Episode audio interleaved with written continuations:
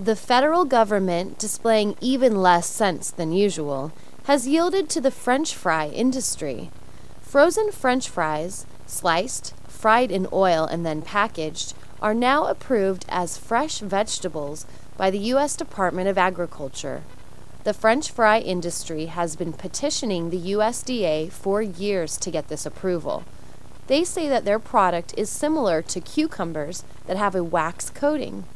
They argue that they use 100% vegetable oil, which is much healthier for consumers than plain wax.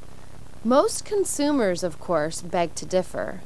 You must be joking, said Annie, 50. How can you consider a product that's deep fried in oil to be a fresh vegetable? Even if I steamed broccoli, I could no longer call it fresh broccoli. It's cooked. I wish I were a lobbyist so my congressman would help me. Unfortunately, I'm only a tax paying citizen.